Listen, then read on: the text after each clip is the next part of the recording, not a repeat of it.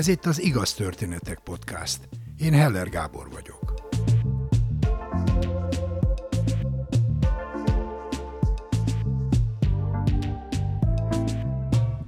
Van úgy, hogy egy tőlünk nagyon különböző, nálunk jóval nehezebb sorsú emberrel találkozunk, és ez elgondolkozásra késztet. Akár megváltoztatja az életszemléletünket. Valami ilyesmi történt Molnár Piroskával, aki egy filmforgatás alatt a legfelsőbb bíróság épületében hirtelen megpillantott egy száron vezetett fiatalembert, akit gyilkossággal vádoltak. Körülbelül 50 évvel ezelőtt, tehát már, már a múlt század, ugye? De még főiskolás voltam igazából, és megbíztak egy szép szereppel, méghozzá Besenyei Ferenc főszereplésével. Én játszottam a fiatal feleségét. Gertler Viktor, a nagyon híres filmrendező volt, és ez volt az utolsó filmje tulajdonképpen, és furcsa módon az volt a címe, hogy az utolsó kör. De semmi köze nem volt a Gertler Viktor bácsi életéhez, hanem a Besenyei aki hát ugye, mint magyar hős ismertük állandóan, minden volt nekünk Dózsa, meg Rákóczi, meg amit akarsz, és most egy buszsofőrt játszott, aki, akinek van a fiatal felesége, ez voltam én, aki megcsalja a saját fiával. És akkor ugye elkeseredésében nem figyel, és elüt valakit, magyarul halálos balesetet okoz. Tehát volt egy jelenet, ami a bíróságon játszódott. Hát ezt ugye nyáron forgattuk, mert hát többnyire a forgatások nyáron történnek, meg akkor érnek rá jobban a, a színészek, és a legfelsőbb bíróságon volt egy ilyen tárgyalóterembe a forgatás, és egyszer csak mondták, hogy most tartsunk szünetet, meg menjünk, menjünk ki, mert lesz egy tárgyalás, és kell a, kell a terem. És hát én nem tudtam, hogy, hogy, hogy mi van, de a Feri tájékozott volt az ügybe, hogy, hogy egy gyilkost, vagy legalábbis a törvény szerint gyilkosnak tartott embert, akit Burainak hívtak, egy cigány ember volt, híres Burai per, egy azt vezetik a tárgyalásra. És mondta Feri, hogy gyere, lessük, lessük meg. És valahogy felosontunk így a lépcsőkön, és hát nagyon csöndben, mint a kisegér, néztünk lefelé, ahol vezették föl a, a burait. Talán Józsefnek hívták, nem tudom, de a buraiba biztos vagyok. Én nem tudtam, hogy, hogy a tárgyalásra, hát ugye ilyen vezető száron vezették, vagy nem tudom, hogy mondják ezt, és hogy, hogy nagyon szép, elegánsan egy ilyen sima barna öltönybe föl, föl volt öltözve, és hát nyilván ugye a tárgyaláson hát ez úgy kell megjelenni, szóval nem, nem, nem rabruhába volt magyarul. Ez a férfi, mint később kiderült, ártatlan volt, valahogy megérezhette, nagyon-nagyon csöndbe voltunk, de ő megérezhette, hogy valaki valahonnan őt néz. Mert az ugye az alattunk lévő lépcsőn volt, és egyszer csak hirtelen így fölvetette a fejét, és fölpillantott ránk, és hát bennünk még a levegő is megakadt, őt persze vezették tovább. És már mikor elmentek, akkor azt mondta nekem a besenyei, hogy te láttad te is ezt a pillantást, ez az ember nem bűnös. Tudnilik, a végig tagadott. Tagadott és próbálta kézzel, lábbal bebizonyítani, hogy nem ő volt a, a gyilkos. Suma sumáron ki is végezték, és pár év múlva bebizonyosodott, hogy ártatlan volt, és más, más volt a gyilkos, aki viszont szabadlábon volt. És akkor úgy vissza emlékeztem ma délelőtt erre, mert a, arról volt szó, hogy a halálbüntetés ki van ellene, ki van mellette, jogászok hogy ítélik meg, stb. stb. És engem addig nem foglalkoztatott mondjuk ez a, ez a kérdés, de most, hogy ezt így ilyen újra fölvetődött ez a téma, hát bennem is fölvetődött az, hogy na én vajon hogy, hogy gondolom bizony sokáig volt nekem úgy a fejembe, hogy hát igen, ha valaki elvette valakinek az életét, azt, aztól vegyék, vegyék el az életét. Anélkül, hogy én azt gondolnám, hogy az csak az Úristen veheti el, vagy stb. Nem, hát valaki elvette valakinek az életét, akkor persze az is lehet bonyolult, ugye, lehet egy védekezés, stb. stb. De nem olyan egyszerű dolog ez. De ezen úgy nem törtem a fejemet. De akkor, mikor miután megtudtam, hogy ez az ember ártatlan volt, akkor úgy elgondolkoztam rajta, hogy, hogy vajon, vajon hogy is van, hogy is van az igazság. Szóval, hogy kiderül-e valaha, és akkor szóval intézkedhetünk-e ezzel, amíg nem vagyunk biztosak, biztosak valami, és lehetünk-e biztosak? Még akkor is, ha valami konkrét, nem tudom, bizonyítékok, bizonyítékok vannak. Na és hát arra gondoltam, ugye nekem is a pillantás hihetetlen átható, átható volt, és hogy hát talán egy, egy civil ember nem is így, így az érzelmeket nem tudja annyira átszűrni, vagy, de hát ugye Besenyei is mű, művész, méghozzá nagy művész volt, és mi más, kicsit másképp ére, érezzük a dolgokat. És rögtön ebből a pillantásból mondta.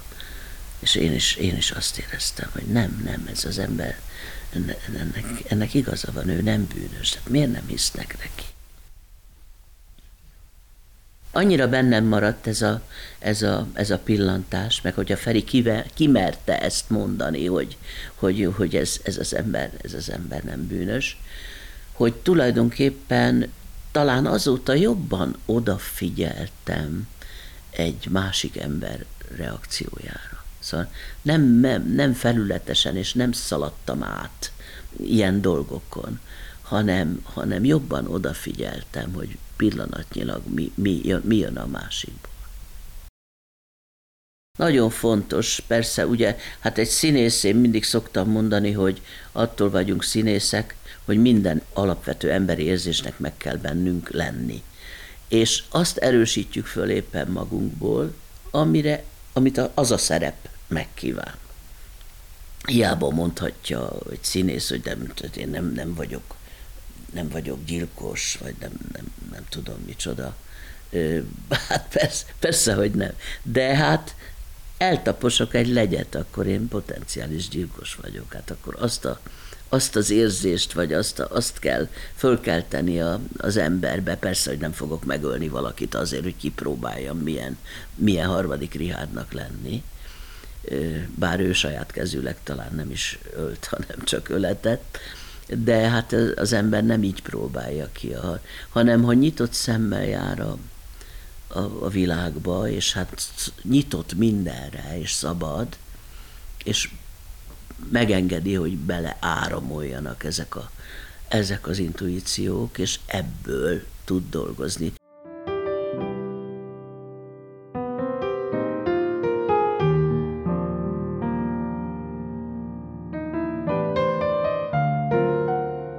Volt egy csodálatos színészmesterség tanárom, a Pártos Géza, és mindig azt mondta, gyerekek drága, éljenek, éljenek szabadon, nyitott szemmel éljenek, abból fogják megcsinálni a szerepüket.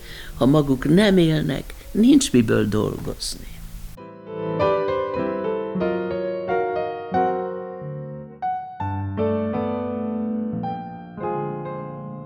Molnár Piroska Kossuth és Jászai Mari Díjas színésznő, kiváló művész, a nemzet színésze. Hatalmas életművéből itt képtelenség kiemelni néhány színházi, tévé vagy filmszerepet.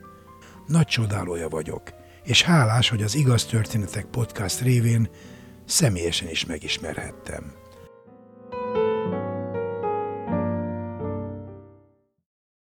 A következő történetben nem véletlenül ütközött két élet, mint Molnár Piroska esetében.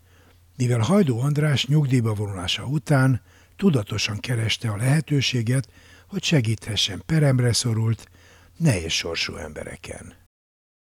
8-9 évvel ezelőtt megszűntek a fizető munkáim. Akkor én már nyugdíjba voltam, tehát nem mondom azt, hogy nyugdíjba mentem, csak úgy egyszerre nagyjából eltűntek a fizető munkáim, és azt gondoltam, hogy ebbe a korba én már nem fogok találni magamnak munkahelyet, de hát azért még éreztem magamban annyi fizikai megszellemi erőt, hogy valamit csináljak, aminek értelme is van, meg ami hasznos. Én a cigányok helyzetét, a cigányok problémáját a magyar társadalom legsúlyosabb kérdésének tartottam. Nagyon régóta, még újságíró koromból. És egy, isme, egy barátomon keresztül kapcsolatba kerültem az Igaz Gyöngy Alapítványa Ritók Nórával, akik Toldon csinálnak egy roma integrációs programot, nagyon szimpatikusak voltunk egymásnak, kétszer-háromszor lementem Toldra, e, elképesztő szegénységet, nyomort, elmaradottságot találtam, de Told nagyon messze van. Én nem autózom, vonatozom, úgyhogy ez két-három látogatás után ez abba maradt, és akkor egy barátom, aki tudta, hogy én mit keresek, fölhívta a figyelmemet a Bagázs Egyesületnek a önkéntes toborzó hirdetésére. A bagázs az a Bag községben, annak cigánytelepén működő közhasznú egyesület. Bag az Budapesttől 40 kilométerre van, autóbusszal a Puskás stadiontól 42 perc, plusz 12 perc séta a falun át a telepre átlagos magyar. Falu, rendezett utcákkal, rendezett házakkal, elérek egy kis hídhoz a falu szélén, ami egy árkon vezet át, itt földút, az is tele gödrökkel, a járda töredezett, a házakon nincsen általában vakolat és szemét. Én a bagázs ötödik születésnapján kerültem kapcsolatba velük, 12 évvel ezelőtt alapította Botemőke, aki előtte jogászként hivatásos pártfogó volt. A környéken, a járásban és az aszódi javítóintézetben is, és egy olyan integrációs programot képzelt el, ami önkéntes munkán alapul, és a filozófiája az, hogy lebontani azokat a kerítéseket, amelyek a többségi és a kisebbségi társadalom között kölcsönös erőfeszítéssel épültek ki. Tehát mindkét oldalról kell bontani.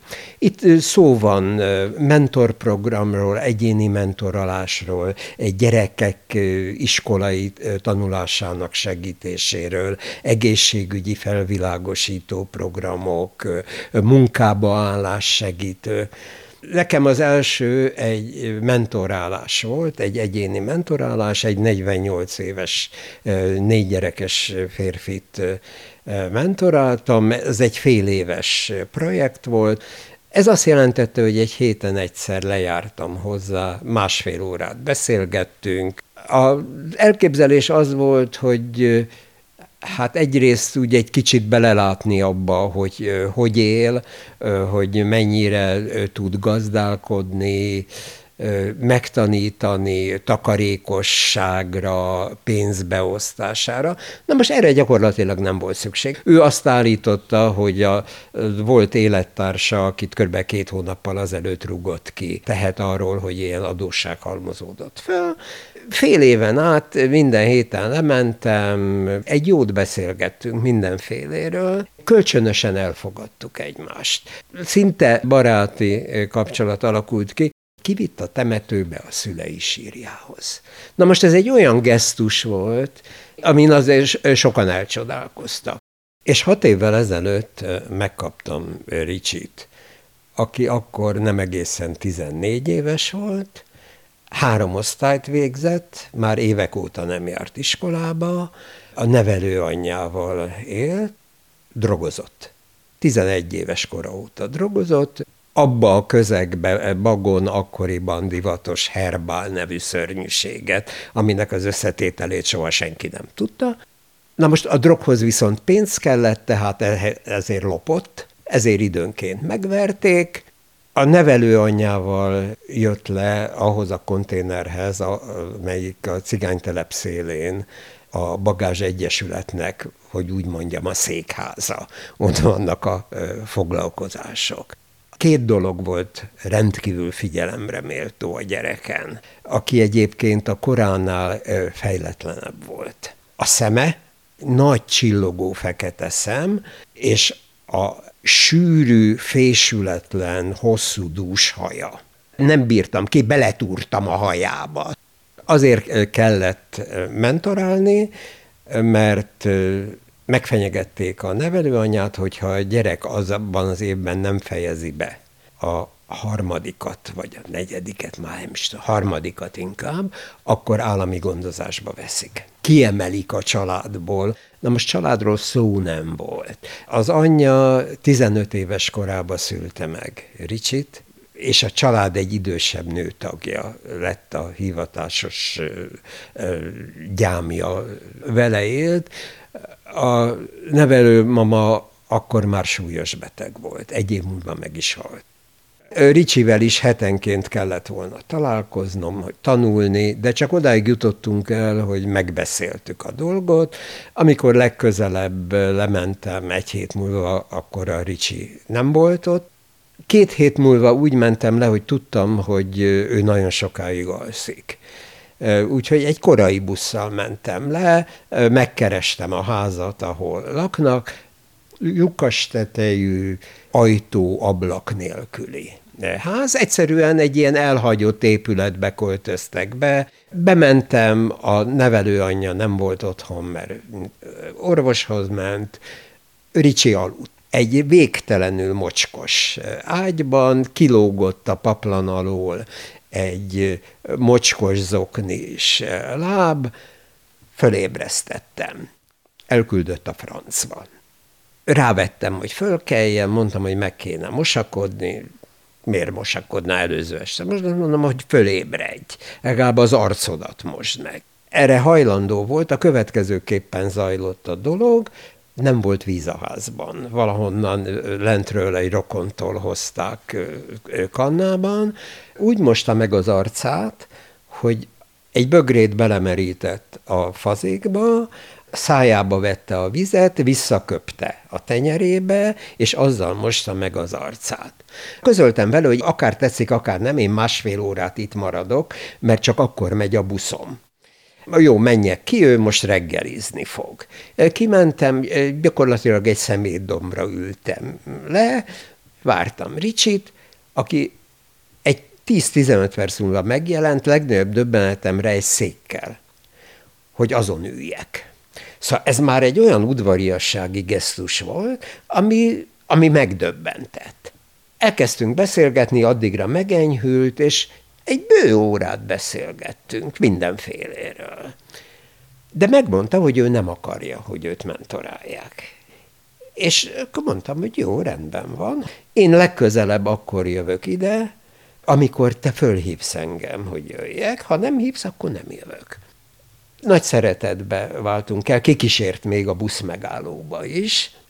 Két hét múlva fölhívott a község gyámügyese, hogy itt van Ricsinél, aki akar valamit mondani. Ricsi beleszólt, hogy Andrásbá jöjjön le szombaton. Én tegeztem, ő magázott, lementem szombaton, Ricsi nem volt sehol, a nevelőanyja mondta, hogy nemrég ment el, noha figyelmeztették, hogy én jönni fogok, és akkor azt mondtam, hogy nekem ebből így elég, és közöltem a bagázsal, hogy a, a szakmai főnökömmel, hogy majd, ha jól őrzött helyen lesz, amiben nincs kétségem, hogy oda fog vezetni, akkor fölújíthatjuk a mentorálást. Én közben elkezdtem felnőtt oktatással foglalkozni ott Bagon.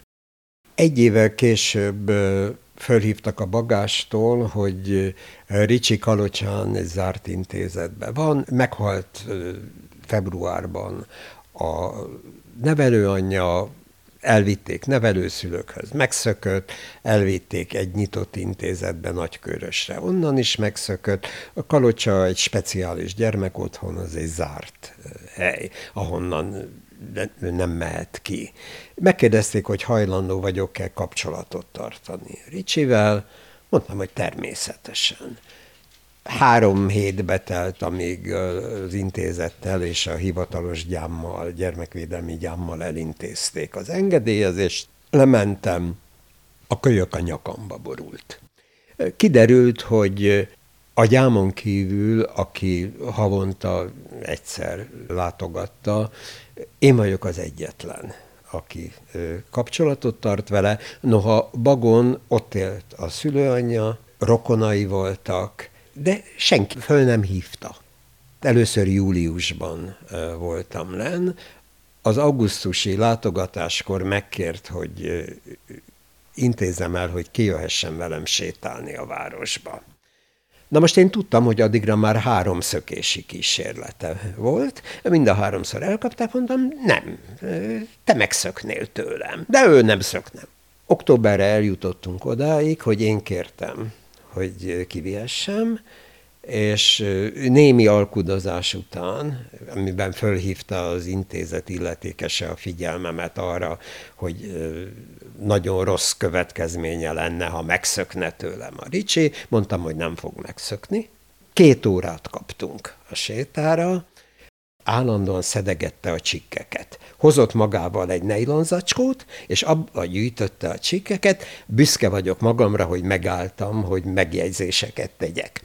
És arra is büszke vagyok, hogy a későbbi kapcsolatunk során leszoktattam erről. Arról is leszoktattam, hogy szemeteljen, rászoktattam, hogy ha ásít, akkor a szája elé tegye a kezét. Jót röhögtek rajtam, hogy ilyen polgári alűrökre tanítom. A Kadocsai Intézet elég szörnyű hely volt. Volt olyan látogatás, amikor másfél órán keresztül csak a kezét fogtam a remegő Ricsinek, hogy megnyugtassam. Nevelő is verte, nagyobb gyerekekkel megverették. Egy vagy két olyan nevelő volt, akivel jó kapcsolata volt. Amikor nem látogattam, akkor gyakorlatilag két naponként telefonáltam neki.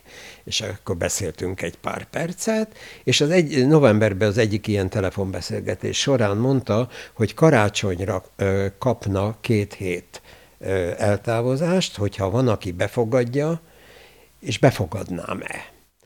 Na most ez egy borzasztó nehéz dolog volt, mert ellenkezik mindenféle szabályjal. Ellenkezett a bagázs alapszabályaival, hogy ilyenfajta közeli kapcsolatot alakítsunk ki.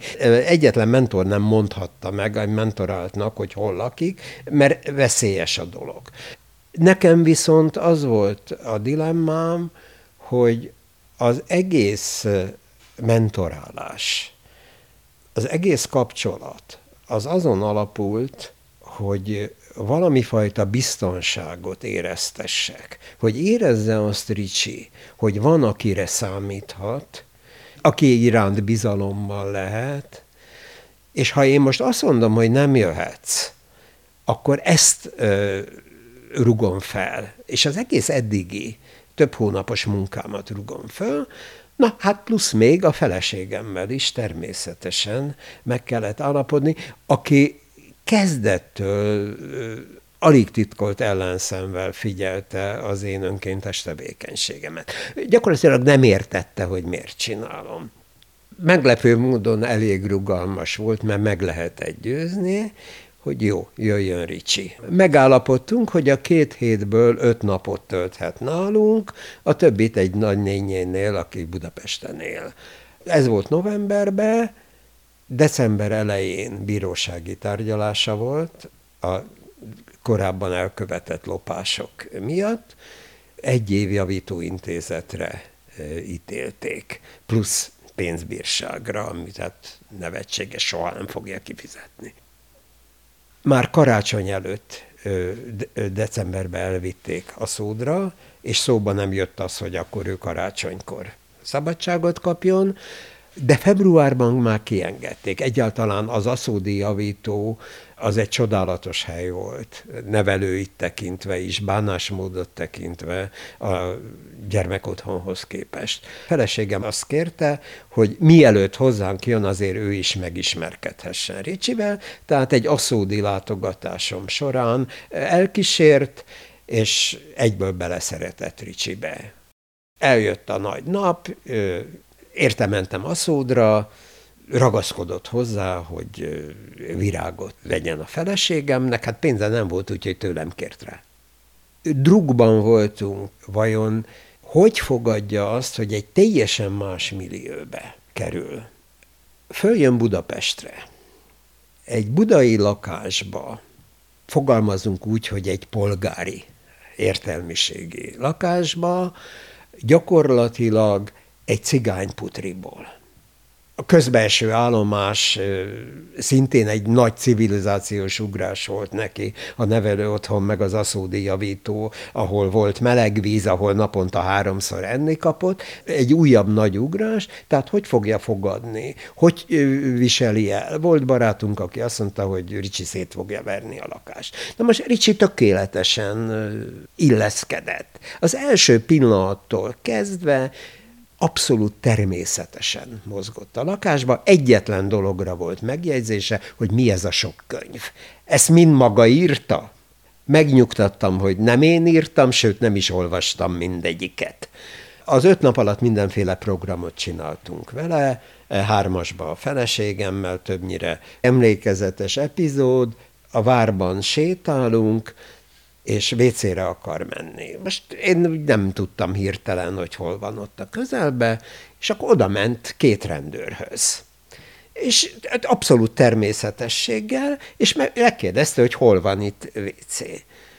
Megmondták, megköszönte udvariasan, további jó munkát kívánt, és aztán két lépéssel oda röhögve mondta nekem, hogy ez volt az első alkalom, hogy ő úgy beszélt rendőrrel, hogy nem kellett félnie.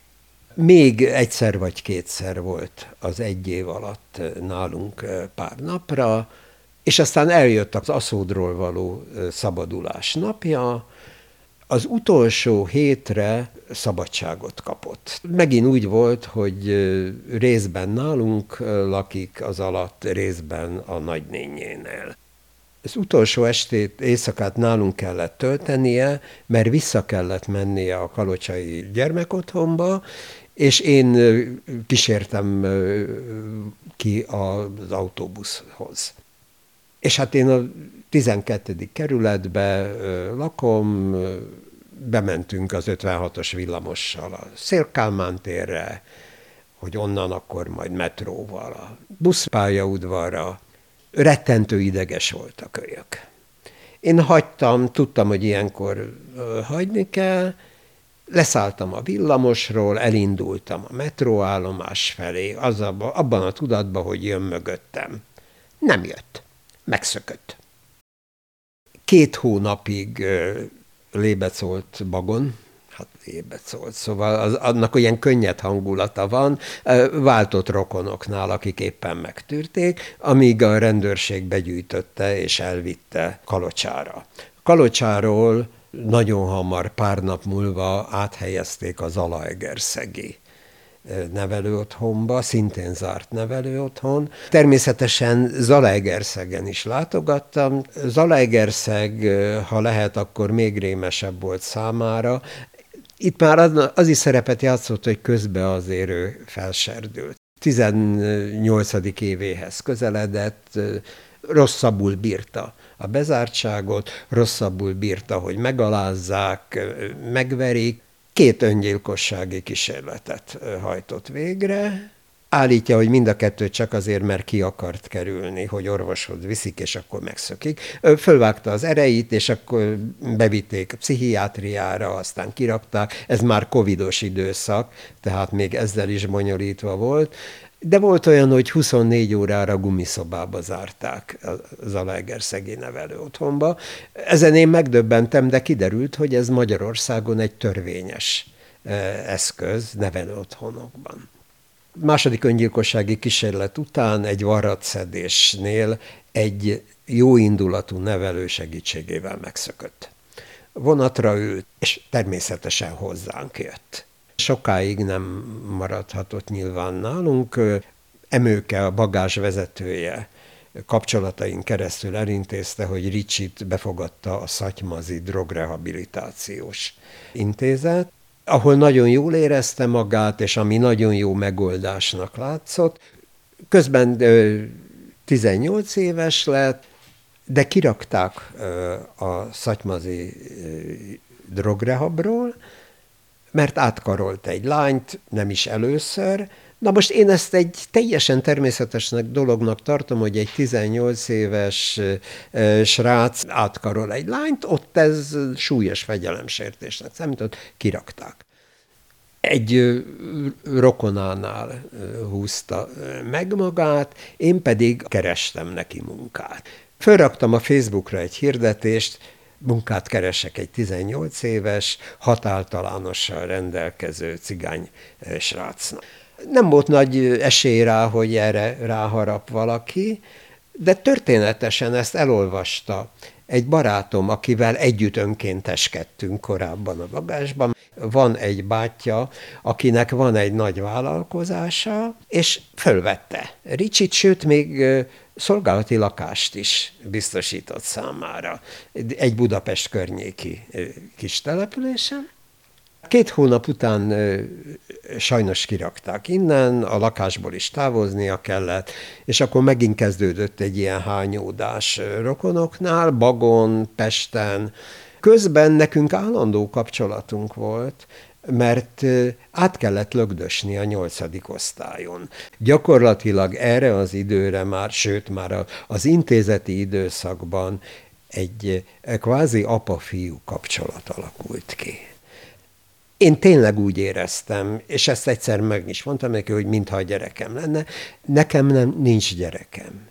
És lett egy fiam. Ennek minden örömével és nyűgével együtt tényleg bizalmi kapcsolat volt, odáig menően, hogy az első nőre én fizettem be. Együtt választottuk ki a rosszlányok.hu-ról az interneten elkísértem, mert egyedül nem talált volna. Oda a parkban megvártam, nem kérdezősködtem a részletek iránt. Volt egy megállapodásunk, hogy nem hazudunk egymásnak. Én mindig megmondtam, hogy ha valami nem tetszik, sűrűn volt rá okom. Amikor elkezdődött ez az újabb hányatott időszak, akkor is fönnmaradt a kapcsolat, a formális kapcsolat is, túl azon, hogy telefonon magánügyekről is beszéltünk, mert abból a szempontból is mentoráltam, hogy valahogy a nyolc osztályt elvégeztetni vele. Az intézetekben eljutott az ötödikig. A hatodik, hetedik, nyolcadikat már én csináltam végig vele. Közben sikerült munkát szerezni neki egy gyárban, egy hónapig dolgozott, megkapta az első fizetését, ami számára egy elképz, elképesztően nagy összeg volt, 200 ezer forintnál több, azonnal kilépett. Ebből lett egy nagy összeveszésünk, én keményen rászóltam, azt ő rosszul viseli, de aztán kiengesztelődik. Én meg nem haragszom rá. Akkor állt be egy törés, amikor tavaly a bagás segítségével elhelyeztük Kazincbarcikán egy szakmunkás tanuló intézetbe, bennakásos intézet, ahonnan egy hónap után megszökött. A helyi cigányokkal került összetűzésbe, és ez volt az a pont, ott volt nálam, és megbeszéltük, hogy én befejezem a mentorálásodat. Én fáradt vagyok, már ezt nem bírom, nem akarom látni, hogy mi történik veled, mert tudom, hogy az utcán fogod végezni, maga azt mondta nekem, hogy a, olyan vagyok, mint a fia. Mondom, olyat még nem hallottál, hogy valakit kitagadnak? Ez olyan? Igen, ez olyan. Most mindez teljesen normális hangulatban, egy ebéd elfogyasztása keretében Ricsi elment. Majd mintha mi se történt volna, pár nap múlva fölhívott, és azóta is rendszeresen kapcsolatban vagyunk. A hivatalos bagázsos mentorálás megszűnt, de fennmaradt ez a magánkapcsolat, Közben most megint lett munkája, lakása is van, 24 éves koráig maradhat egy volt állami gondozottak számára létesített otthonban. Egy hónapja dolgozik egy nagy cégnél, megkapta az első fizetését, szereti, amit csinál, állítólag vele is meg vannak elégedve.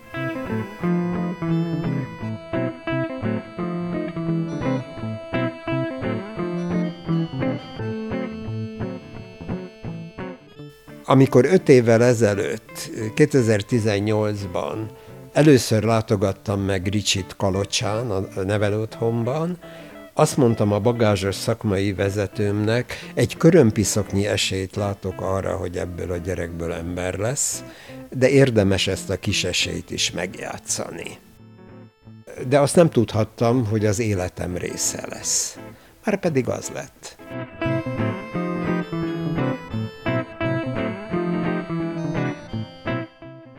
Hajdú András eredetileg tanárnak készült, és egyetemi tanulmányai előtt és alatt nyaranta gyermeknevelő otthonokban dolgozott. Aztán kilátástalannak ítélte meg a gyermekvédelm állapotát, így élete más irányt vett, és 25 évig volt a Magyar Rádió munkatársa, elsősorban a rövid hullámon sugárzott idegen nyelvű adásoknál, ahol gyakornokból a szerkesztőség vezetője lett. Aztán jött az újabb pályamódosítás, és 18 évig tanított az Ötvös Lorán Tudományegyetem tanító és óvóképző karán 20. századi magyar történelmet.